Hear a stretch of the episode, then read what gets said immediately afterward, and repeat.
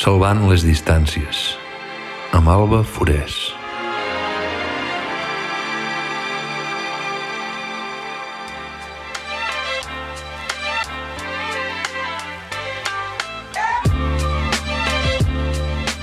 Hola, sóc Alba Forés i això és Salvant les distàncies, el podcast que t'acompanya cada dimarts i quan tu vulgues al web d'Arrels, arrels.info i també a Spotify. El capítol d'avui combina present i futur, tradició i innovació. La protagonista del setè capítol de Salvant les distàncies és una emprenedora nata, la quarta generació d'una prominent família d'enginyers agrònoms i enòlegs arrelada a Sitges, al Garraf. Amb ella farem un viatge al passat on tot va començar i estirarem el fil que ens porta fins al seu besavi, Antoni, Almirall i Carbonell. Ens mourem entre Sitges i Llívia, a la Cerdanya, entre mar i muntanya, perquè ho volem tot, poble i ciutat.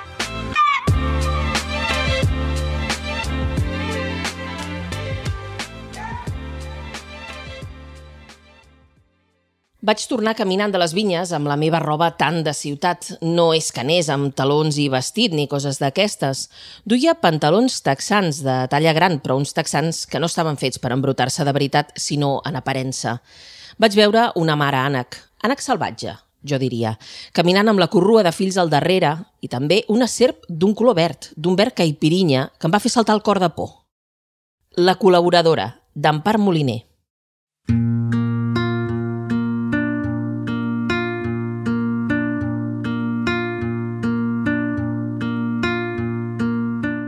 Tenim un capítol on es nota el pes de la terra, de la família. Estem davant d'una nissaga d'enòlegs i enginyers agrònoms eh, del Garraf, a Sitges. Avui tenim amb nosaltres eh, l'Anna Baqués, que és enòloga i enginyera agrònoma, vinculada al món de la viticultura local, comarcal, nacional, des de fa molts anys, dècades. Ella és assessora també de cellers de diverses denominacions, ha voltat per mig món i ha creat, eh, fa, fa poquet, no, fa uns poquets anys amb la seva parella Isaac Rigau el vi de gel i el vi de neu de la Cerdanya, que és un projecte pioner de recuperació de varietats pirinenques que ha establert un lligam entre Sitges i Llívia, que és on, Anna, tens una miqueta un peu a cada banda. Benvinguda. Com estàs? Hola, molt bé, moltes gràcies. Carai, quina presentació més bonica, Alba. Bé, ara, ara anem a la teua història, que també és molt bonica. Jo estic bastant... Ho he descobert ara, estic molt impressionada. Anem, remuntem una miqueta al, al, al teu, a la història del teu besdiallo, del teu besavi, ¿vale? Antoni sí. Almirall i Carbonell.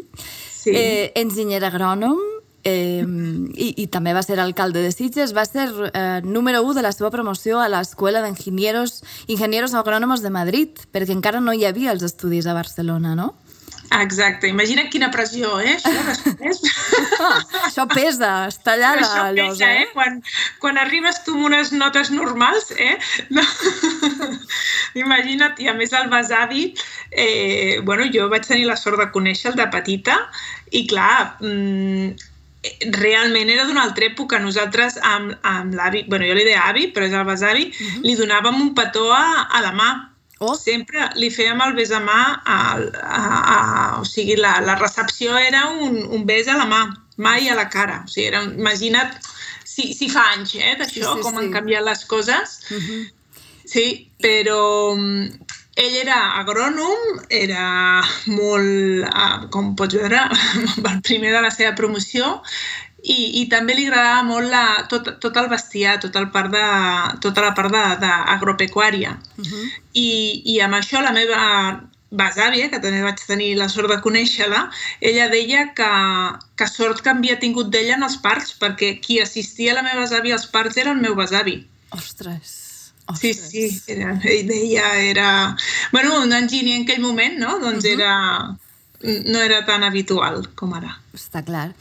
Eh, ell, bé, entre altres coses, hi ha, hi ha una entrada a Viquipèdia i hi ha molts articles que parlen d'ell.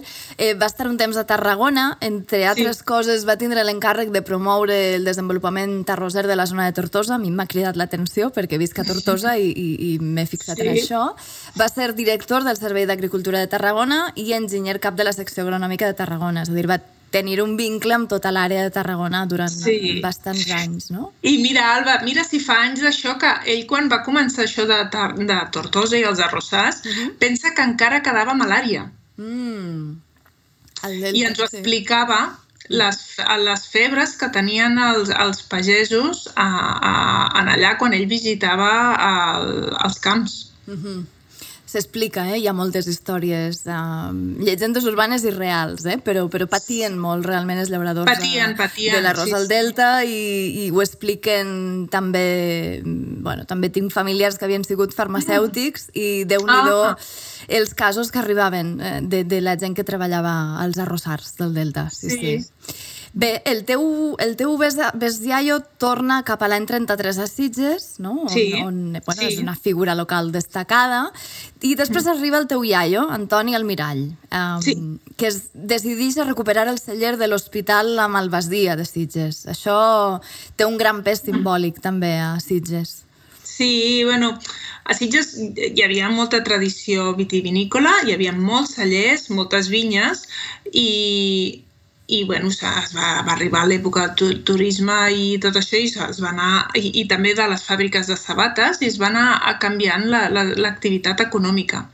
Aleshores, tot ve lligat també perquè hi havia un, hi ha un llegat que és eh, Manuel Llopis, que va deixar totes, va morir sense hereus i va fer una deixa a l'Hospital de Sant Joan Baptista, d'acord? És una cosa molt, molt típica també a Sitges, la gent amb diners o que donaven diners o propietats a l'hospital, vale? que és una fundació que estava regentada per monges, però pertany al poble, o, on bueno, en aquest moment ja mm, és una residència de gent gran, però també hi ha un menjador social en cas de necessitat. Sempre hi ha hagut una relació molt forta al poble amb la fundació. I, i aquest Manuel Llopis va deixar terres eh, plantades en vinya, va deixar edificis, va deixar la marca i la, amb la condició vale? que se seguís elaborant la malvasia de Sitges tal com es feia en aquell moment, vale? perquè ella va veure que allò anava perdent força com a activitat mm, econòmica i va voler assegurar-se que la, el mètode d'elaboració de la malvasia de Sitges es conservava del mètode tradicional.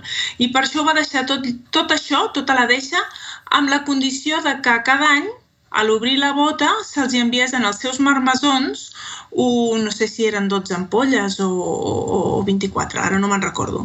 I això va ser el que tant el meu besavi com el meu avi, com posteriorment jo, vam fer que conservessin totes aquestes propietats i, i es conservés la manera tradicional d'elaborar la malvasia de Sitges eh, gràcies a, aquesta lle, lle, a aquest llegat. Aleshores, el teu avi va començar a, a recuperar el celler o la vinya de l'hospital, no? I, i tu l'acompanyaves. Sí, sí, sí. sí. Ajudant-lo, no? Una miqueta vas agafar... Bueno, Bueno, ajudant- allà algun cuquet et va picar. bueno, ja saps que eh, quan ets mm, les criatures de vegades més que ajudem, a, ajudem a ensopegar. Va, ajudava. Però el meu avi tenia una gran paciència i, i el que transmetia sempre que l'acompanyàvem era bueno, perquè li encantava. Ell això ho feia de més a més, el meu avi també, eh? Vull dir, ell va ser en- enginyer, va ser professor de, de l'Escola Superior d'Agricultura també i a part assessor independent de diferents finques agrícoles i això era un voluntariat que feia, o sigui, de, de portar i de dirigir tant el celler de l'hospital com les seves vinyes, com, com procurar que se seguís elaborant, ell ho feia un mes a mes. I amb els nets ens, ens portava, ens hi portava, perquè ell també tenia unes vinyes aquí petitones a Sitges i, i bueno, a mi sempre em- m'ho va enganxar, sincerament, el, el, el poder-lo acompanyar t'ho anava transmetent Mm, i, i el, suposo que bueno, més d'uns net, eh? anàvem a, a acompanyar-lo, uns s'han dedicat més a una cosa, uns altres s'han dedicat més a una altra, però tots més o menys tenim aquest coquet de- d'estimar la terra. Um, i, I entenc que també amb els anys el, el mèrit de, del, de les vinyes de l'hospital és el pas del celler antic al, al que és ara, no? que és un celler actual uh, d'una certa volada, d'una certa dimensió, aquell pas. Eh, sí, durant uns anys es va quasi perdre la varietat de Malvasia de Sitges. Ell va ser el que va lluitar per, fins i tot totes les coses van canviant molt, eh? però com que quedava tan poca superfície, a les denominacions d'origen ens van fer fora, diguéssim. Però ell va lluitar perquè no es perdés ni la varietat original, que estigués sempre um, reconeguda internacionalment, vale? està dins del registre oficial de vitivinícoles, la OIB de, de França, està reconeguda com a malvasia, ai, com a varietat única Malvasia de Sitges. És de les poques que té nom i cognom, d'acord? I, I això ell ho, vull dir, ho, ho tenia molt clar, que s'havia de lluitar perquè no es perdés, perquè tot, tot va amb èpoques i ara uh, ho tenim molt clar, que hem de conservar i protegir varietats autòctones i varietats mil·lenàries que fa que, que, que el nostre territori estan molt més adaptades i que, bueno, que ens donen tota una sèrie de riquesa mmm, no només enològica, sinó cultural i de territori, però hi va haver uns moments, fa uns anys, doncs, que el que volíem era quantitat i fàcil, no? I sempre semblava que fos més bones les varietats de fora. Ell regalava els empels, o sigui, eh, en, en, en, els, en els serments, tu per, per replicar aquesta varietat, si qualsevol persona ni demanava, eh, ni regalava perquè poguéssim tenir mal, Malvasia de Sitges a Ribes, al Vendrell, a Vilafranca, on te fos. Qui ni demanava sempre li regalava uh, amb pèls, perquè no es perdés. I, i, i, i ho ha aconseguit. Anys després es va tornar a acceptar la malvasia de Sitges dins de les varietats uh, autoritzades a la denominació d'origen penedès. Uh, a dia d'avui, la varietat malvasia de Sitges és, és molt reconeguda. És, és complicada de cultiu, no és de les varietats fàcils a nivell de vinya, però a nivell de vi té unes característiques organolèptiques i, i, i especials vale? I, i de vinificació doncs, que uh, fan que els vins no siguin tots iguals, d'acord? Eh, i, I després, doncs, per, per poder seguir vinificant i estar al dia, el que va, sí que se li ha de reconèixer que va lluitar fins va tenir tots els permisos i totes les coses adaptades a, a, les, a les normatives actuals, als registres sanitaris, registres al CAE, tot, o sigui, de registres d'indústries, tot això per poder seguir vinificant a, a, a, a l'hospital. A dia d'avui, la veritat és que aquesta vinificació no es fa aquí a l'hospital, ho han arrendat amb un altre celler, però bueno, són coses que, és una llàstima, però són coses que, al no ser l'activitat principal de l'hospital, suposo que s'han hagut d'organitzar així. Però bueno, el celler hi va estar molts anys actiu i, i de fet, reconegut com un... Uh, de, per l'Slow Food, Um, ai, ara no me'n recordo com se'n diu, un, que se'n diu, dins de l'Slow Food se'n diu d'una manera especial, uh -huh. vale? que és un reconeixement al mètode d'elaboració. Uh -huh. Parlant de vinificacions, tu després te'n vas a voltar món. En quin moment eh, decidixes mm, jo vull conèixer món, vull aplicar tot això i conèixer altres maneres de fer? A més, hemisferi nord, hemisferi sud, has voltat moltíssim. Eh, en quin moment comença aquesta etapa? Mm, he tingut la sort doncs, que aquest coquet que ja, ja ve de lluny i sempre ha estat ajudat vale? I, i o abonat, no? en diríem, per la família, mai ens han tallat les ales, al revés. O sigui, eh, els meus avis, la meva àvia, a, que en aquest moment tindria bueno, 90 i pico d'anys, doncs quan tenia amistats a Anglaterra i ella s'esforçava i anava a classe d'anglès per, per poder comunicar-se amb ells i li encantava viatjar. Jo suposo que això, quan ho veus a casa, també ho trobes normal, no? D'anar a conèixer altres maneres de fer i, i tant de viure com de treballar. I vaig tenir l'oportunitat també, bueno, doncs, poder començar a treballar a, en un laboratori de, per barema, vale? i allà, clar, també veies que venia gent de fora. I deies, com, com és que aquest de Nova Zelanda està aquí a Vilafranca del Penedès? I quan vam descobrir que, que allò es podia fer, doncs no m'ho vaig dubtar dues maneres. Anar a treballar del que m'agrada eh, sense desatendre aquí doncs, la, a, a l'ajudar l'avi durant la barema. O sigui que ho podia fer en, en època eh, de febrer a, a maig i a l'hemisferi sud, això que dius, uh -huh. i estudiar i, i posar en pràctica el que estava estudiant en aquell moment a la facultat. Uh -huh els intringulis de demanar permís als professors de que m'avancessin o, o retracessin els exàmens, no que, que te'n dongui detalls, que també eren un, un, un far de riure. Em deien, i d'on vas, Anna? On te vas, ara? Uh, bueno, doncs no, és que m'ha sortit l'oportunitat d'anar a Xile i, i per allà vaig començar. Doncs per anar a Xile i allà vaig, vaig conèixer francesos, vaig conèixer mm, nord una nord-americana i, de mi, i veia que, que hi havia tota una possibilitat de, de poder conèixer cultura i manera de treballar diferent. I així va ser.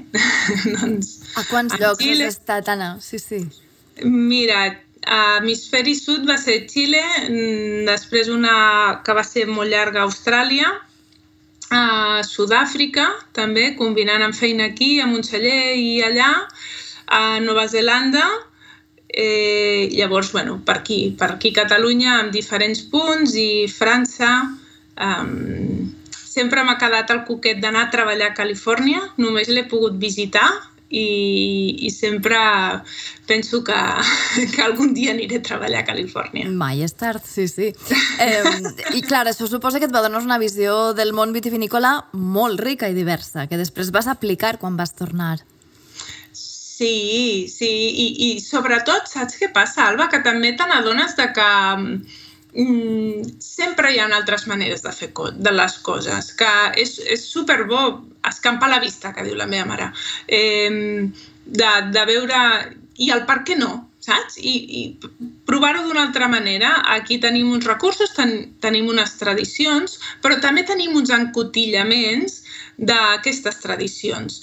En canvi, quan, quan vas en països del nou món vitivinícola, que ja fa molts anys eh, que fan vi, com pot ser Xile, Argentina o la mateixa Austràlia, eh, veus que hi ha altres maneres també de, de fer coses, de portar el cultiu, de... i sobretot també de, de la difusió de l'enologia. Fins fa pocs anys aquí el que jo me n'adono és que els, els cellers eren com, com llocs secrets, amb les portes tancades.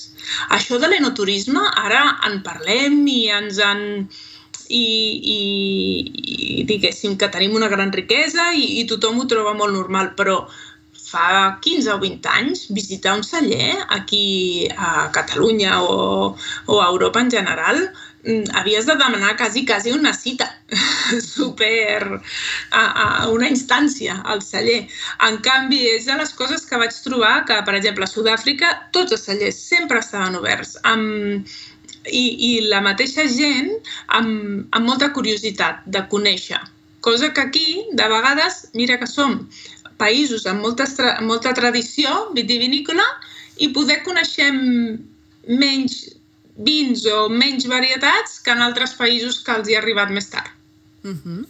Entenc que també amb una família, amb una tradició, amb una nissaga tan, tan, tan destacada, tan forta, eh, també devies tenir ganes de dir la teua, no? O de fer les coses a la teua manera, o d'innovar, o de trencar esquemes, també. Sí, bueno, hi ha l'època que dius, i bé, per què ho fan això, això?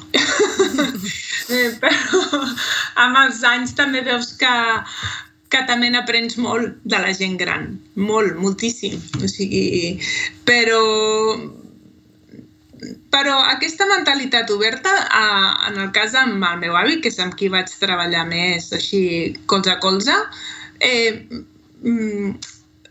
mai em va dir un no o, això, o sempre estava disposat a escoltar i a, a, a preguntar i, i escoltar l'opinió dels altres. O sigui, et dic que tenia una, una paciència, jo crec que infinita. Això no ho he heredat, eh? Jo. has, has heretat altres coses, precisament, Altres bueno, l'empenta, la persistència, no? Per, per, per, per com he vist que, que, bueno, que, que, que ha anat la teva evolució. A, ara tens el campament base a Sitges, diríem, i Sí, sí, vius amb sí. un peu a Llívia, on ara parlarem de, Sí. dels vins que feu, i l'altre arreu del territori perquè també, a banda dels projectes propis, tens, és a dir, assessores, cellers i finques agrícoles, no? Sí. Bueno, per poder pagar capritxos els haig d'assessorar uh, els altres, perquè Llivins, el celler de, de Llívia, és, és un, un projecte començat de zero, sense sense allò ni heredar ni celler, ni terra, ni vinya, o sigui, començat de zero, amb, som cinc, vale? tres persones de Llívia i la meva parella i jo, l'Isaac i jo, com a la part tècnica i els altres com a emprenedors. I també amb aquesta mentalitat que et deia, i per què no? O sigui, mm, el, el, sortint de l'encotillament de les tradicions vitivinícoles. Sempre, sempre, Alba, mm, procurant eh, fer les coses amb raonament i amb cap, eh? No, o sigui, a tot el coneixement tècnic i d'això també et fa ser molt, molt, en moltes ocasions, molt humil de dir, ostres, cada territori és un món, no només a nivell de gent, sinó de climatologia, de manera de treballar, de, de com es comporta la meteorologia. O sigui, eh, tots els projectes són diferents, els que tant assessoro com el que tinc, però sempre eh, amb un raonament científic darrere, eh? Alba, no et pensis que... No, no, clar, clar. Perquè a més és el que t'anava a dir, no deu ser fàcil fer vi al Pirineu, no? Per les temperatures, per, per l'alçada... Um, deu, deu... Home, si no n'hi hauria més, n'hi hauria més. Clar. Nosaltres sempre ho diem que uh, no hem anat a inventar res. Ja se'n feia de vi a la Cerdanya. I ja hi ha restes de, des dels romans, que, que, que, que, on anaven els romans i anaven amb un cep a la mà, jo crec. O sigui, ja, ja s'han trobat restes. Què va passar? Que la climatologia i els, els fenòmens extrems que tenen allà, tant de fred com de pedregades, com, com el salt tèrmic i tot això, mm, van fer que quan les comunicacions es van fer més fàcils, més, doncs es pujava el vi es pujava el vi fet, uh -huh. perquè és molt més fàcil agafar un vi eh, o del Penedès o de Batea o d'on te sigui i pujar-lo a la Cerdanya fet, perquè realment allà comença el cicle vegetatiu molt més tard, tenim, tenim moltes hores de sol, però clar, tenim moltes més pedregades més sovint, o les gelades de primavera, totes aquestes coses que aquí baix poden passar perquè ho tenim al carrer igual, les vinyes sempre estan al carrer, però no és, no és tan sovint. Val? Uh -huh. I aleshores el que hem fet és doncs, recuperar un cultiu que ja hi era a la Cerdanya. D'acord? Uh -huh. és, és el que sí que sempre ens agrada dir que fins i tot amb els llibres d'en Pau Riba, de la, de, de la divisió de comarques i això, ens surten referències. Mm. Va, ara, és, ara, ara ve quan ens fas enveja. Eh, com és l'entorn on tens les vinyes a Llívia? Perquè deus tindre allà vistes al Puigmal, a la Tossa, al Cadí... O sigui, Sí, recrea't, fes-nos enveja. és, és el més espectacular, poder estar dins del celler i des de dins del celler fer un trasbals, eh? que és moure un vi d'un lloc a un altre, amb vistes al Cadí, és alguna cosa que mai, mai m'havia pensat que podria fer, perquè si haig de definir Llivins, et podria dir que és la unió de dues passions, de l'enologia i de la muntanya, tant de l'Isaac com meva eh, perquè ens agrada molt fer muntanya i ens, ens encanta i la passió és la, i professió és l'enologia i Llivins és el resultat d'aquesta unió val? i aleshores, clar, si mires um, cap a l'esquerra veig el, Puig, el Puigmal tota la carena fins a la Tosa, tot Masella, ben, ben nevadet d'abans d'ahir, i, i el Cadí tot, un altre cop tot enfarinat blanc. Mm. Va, puja, puja. Sí, sí, ha de venir, ha de venir, això segur. Com és una setmana en la vida d'Anna Baqués? És a dir, a nivell de mobilitat, quants dies a la setmana, més o menys, passes a, al Garraf o a Sitges o movent-te pels diferents cellers i no sé si el cap de setmana pugeu a Llívia o més o menys, segurament no hi ha una setmana igual que l'anterior, i això m'ho puc No, imaginar. Però me, més o menys, o al cap de l'any, el quant de temps passes a cada lloc, si t'hem de seguir la pista? Uh, ui, és difícil, eh, seguir la pista. no m'agrada tampoc gaire. no, és broma. Doncs mira, uh, va molt per èpoques, perquè tant el cultiu de la vinya com l'elaboració dels vins és molt estacional, d'acord? Nosaltres no fabriquem, nosaltres elaborem. I aleshores això és, eh, ho fas un cop l'any, vale? en el cas del vi. Eh, la vinya eh, hi ha èpoques molt tranquil·les.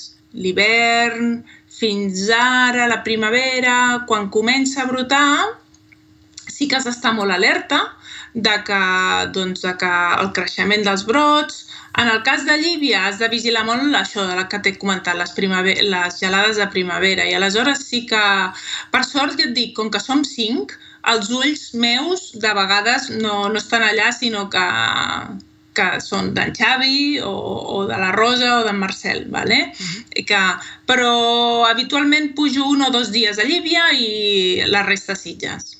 Uh -huh. Bueno, Sitges, Garraf, Penedès. Exacte, sí, sí, sí, perquè també vas a, a, bueno, com a assessora a altres tallers, sí, sí. Sí, estic en una finca molt bonica, al Baix Penedès, que es diu Cal Cavallut, també, que ha sigut una recuperació d'una finca que havia estat abandonada, i allà tenim cultiu mediterrani, vinya, olivera, safrà, ametllers i plantes aromàtiques de la part forestal. És tot un conjunt que bueno, és un projecte molt bonic eh, que, que s'està restaurant la masia doncs, per poder també completar l'activitat agrícola amb, amb, amb esdeveniments i, i lloguer de la masia. Molt bé.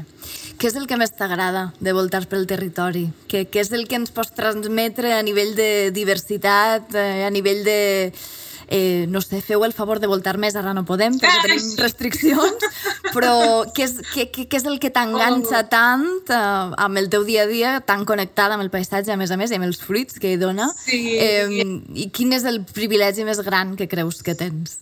Ostres, doncs poder escampar la vista i, i mirar l'horitzó. És tan diferent al Montmell eh, que, que el Cadí que la Mola, que el Montgros, m'entens? Són els cims així que m'envolten habitualment o que és, és molt bonic i a més a més el contrast que tenim al país. És impressionant, per exemple, jo els dies que estic més Garraf Penedès, que són ara en aquest moment els brots de, de les varietats d'aquí ja estan entre 10 12 centímetres, que ja comences a veure els raïms com s'estan desplegant i, i a Llívia que ahir estava podant la poda d'hivern. Uh -huh. vale? El que hem fet aquí al desembre-gener, ara ho estic fent allà. Aquest contrast i el poder veure com va venint la collita d'un lloc, m'avisa d'un altre, eh, què és el que m'enganxa més, és, és veure, no sé, veure tot el cicle anual amb diferents punts del territori, m'encanta, m'encanta. Eh, la diferència d'humitats, la diferència de vent, de temperatura, sobretot al, a, a l'estiu, aquests xocs de, de temperatura al dia-nit, que són tan diferents, jo que sé, a, aquí a, a Vinyonet o a Sant Pere Molanta, que també porta una altra vinya i un projecte molt petit i molt xulo que es diu Vins So de Tardor, que és una vinya on, on surten dos vins, eh, i aquí tenim vinya en vas, vinya jove, vinya, saps? Uh -huh. és, eh, això és el que m'enganxa més, i veure eh, com dins amb dues hores de diferència de circulació tens paisatges i entorns tan diferents i maneres de treballar tan diferents, fins i tot de parlar, et diria. I tant, clar, sí, sí, sí, les diferents. Quan vas, bueno, tu mateixa aquí a Tortosa, o, uh -huh. bueno, jo tinc família a Tivissa i a Reus, uh mm. -huh. que clar, que, que també n'hi ha que, que, que toquen la terra en l'agricultura o en la mm. part forestal, eh, és, és molt bonic doncs, poder fer bueno, posar coses en comú i que dius, què fas tu ara? O mira, t'explicaré una coseta que m'ha passat avui. És una tonteria, però amb dues hores de cotxe et pots trobar que un municipi o un... Que, bueno, un municipi no, que, que un lloc eh, tingui per molt normal unes instal·lacions i per altres no. Per exemple, al Pirineu un, un pas rodat, un pas canadenc, perquè els ramats no se t'escapin pels camins, és és el més habitual, no?, que ens trobem, aquells passos rodats. I, i en una finca aquí vas tinc un problema amb uns, amb uns senglars i he fet la proposta de posar aquests passos rodats, que no tanques el camí, senzillament... Ostres, és que no, és el, el desconeixement que no saben què és un pas canadenc, no? I, i res, estem a dues hores, eh? Mm -hmm. Ja per acabar, m'he guardat la, la pregunta del milió per al final. Um, T'agrada fer de campanera? Ah! Ostres, quantes coses que has buscat, Alba! Mm. Aquí rasquem, rasquem fins al final. Mare meva! Això sí que és tradició. Sí, m'agrada per diferents coses. Primer, perquè anuncies la festa a tot el poble, que és, és una cosa que comparteixes. Després, que estàs amb la família, perquè som el pare, els cosins, amb alguns amics, els germans, i, i tercer, perquè fas molta soroll i ningú et veu. Molt bé, doncs Anna, un plaer. Ens has fet eh, també viatjar una miqueta, ens has fet enveja, en, en fi... No eh... tingueu enveja, no tingueu enveja, senzillament és... També estem molts dies a fora al carrer, eh? Home, tant, a la intempèrie, sí, plou, a neves, això està clar. Hi ha molts dies que fa molt fred o hi ha dies que plou i, i t'has de mullar perquè has de fer aquella feina o has de fer aquella visita. Eh, per descomptat que sí, que, que tenim una agenda molt mòbil, tots els, eh, els pagesos o els que ens dediquem al camp, si plou, procurem no anar-nos a mullar, no som rucs, però, però hi ha dies super, super bonics de, de veure, ja et dic, és que a mi és una de les coses que m'apassiona més, de veure com comença el raïm dins una boleta, bueno, dins un borró, després es desplega les fulles, veus, comences a veure com es forma el raïm, com, com madura, com el cuides, com el culls, com l'elabores, i després el més bonic és, és que algú pugui veure i disfrutar de, del vi que has fet. Aquest procés és, és com diguéssim, és tot el meu any, no? Mm -hmm, I, el cicle que es tanca. Sí, sí. I sobretot quan algú et diu Ei, he begut un dels teus vins.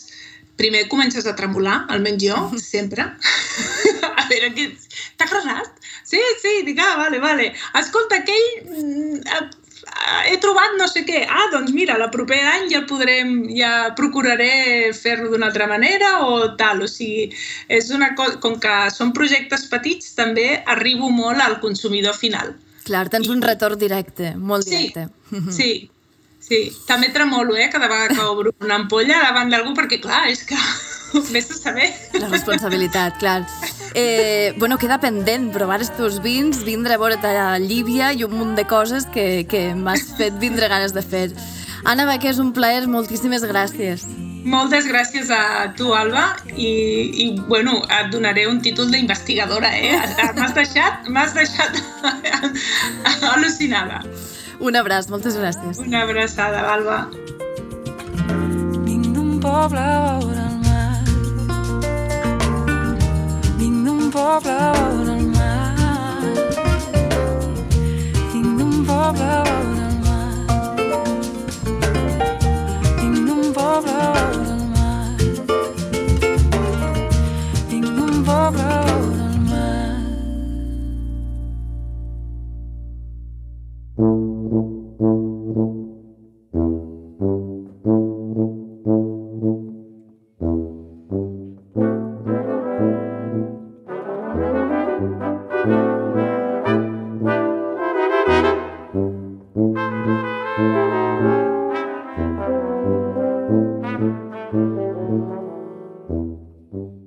els comerciants amb impermeables grocs, com el que duia ell, que acudien al migdia a la borsa, on hi havia renou i brugit, pel que sabia, i on era molt fàcil que algú tingués motiu de fer arribar invitacions urgents per a un gran àpat, a fi de prolongar el seu crèdit.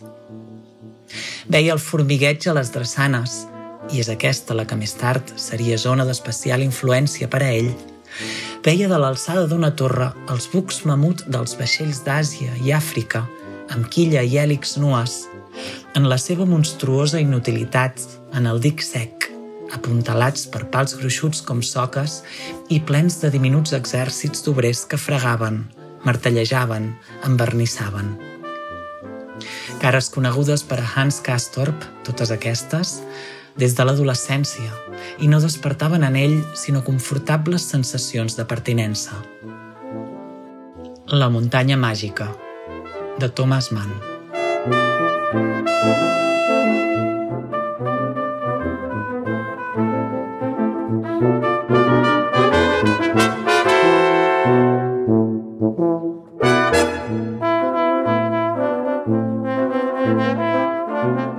Acabem amb Mediterráneo, de Serrat, en versió d'Spanish Brass. Salutacions d'Ignasi Canals, al disseny sonor, i Josep Adell, al control tècnic. Salvant les distàncies. Amb Alba Forés.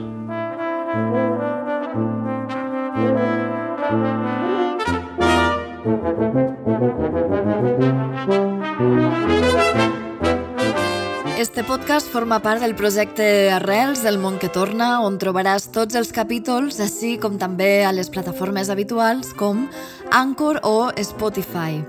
Si et ve de gust, em pots escriure a info.albafores.com o deixar-me un comentari o un missatge a xarxes. Em trobaràs a Instagram com a alba.forés o a Twitter com a albafores.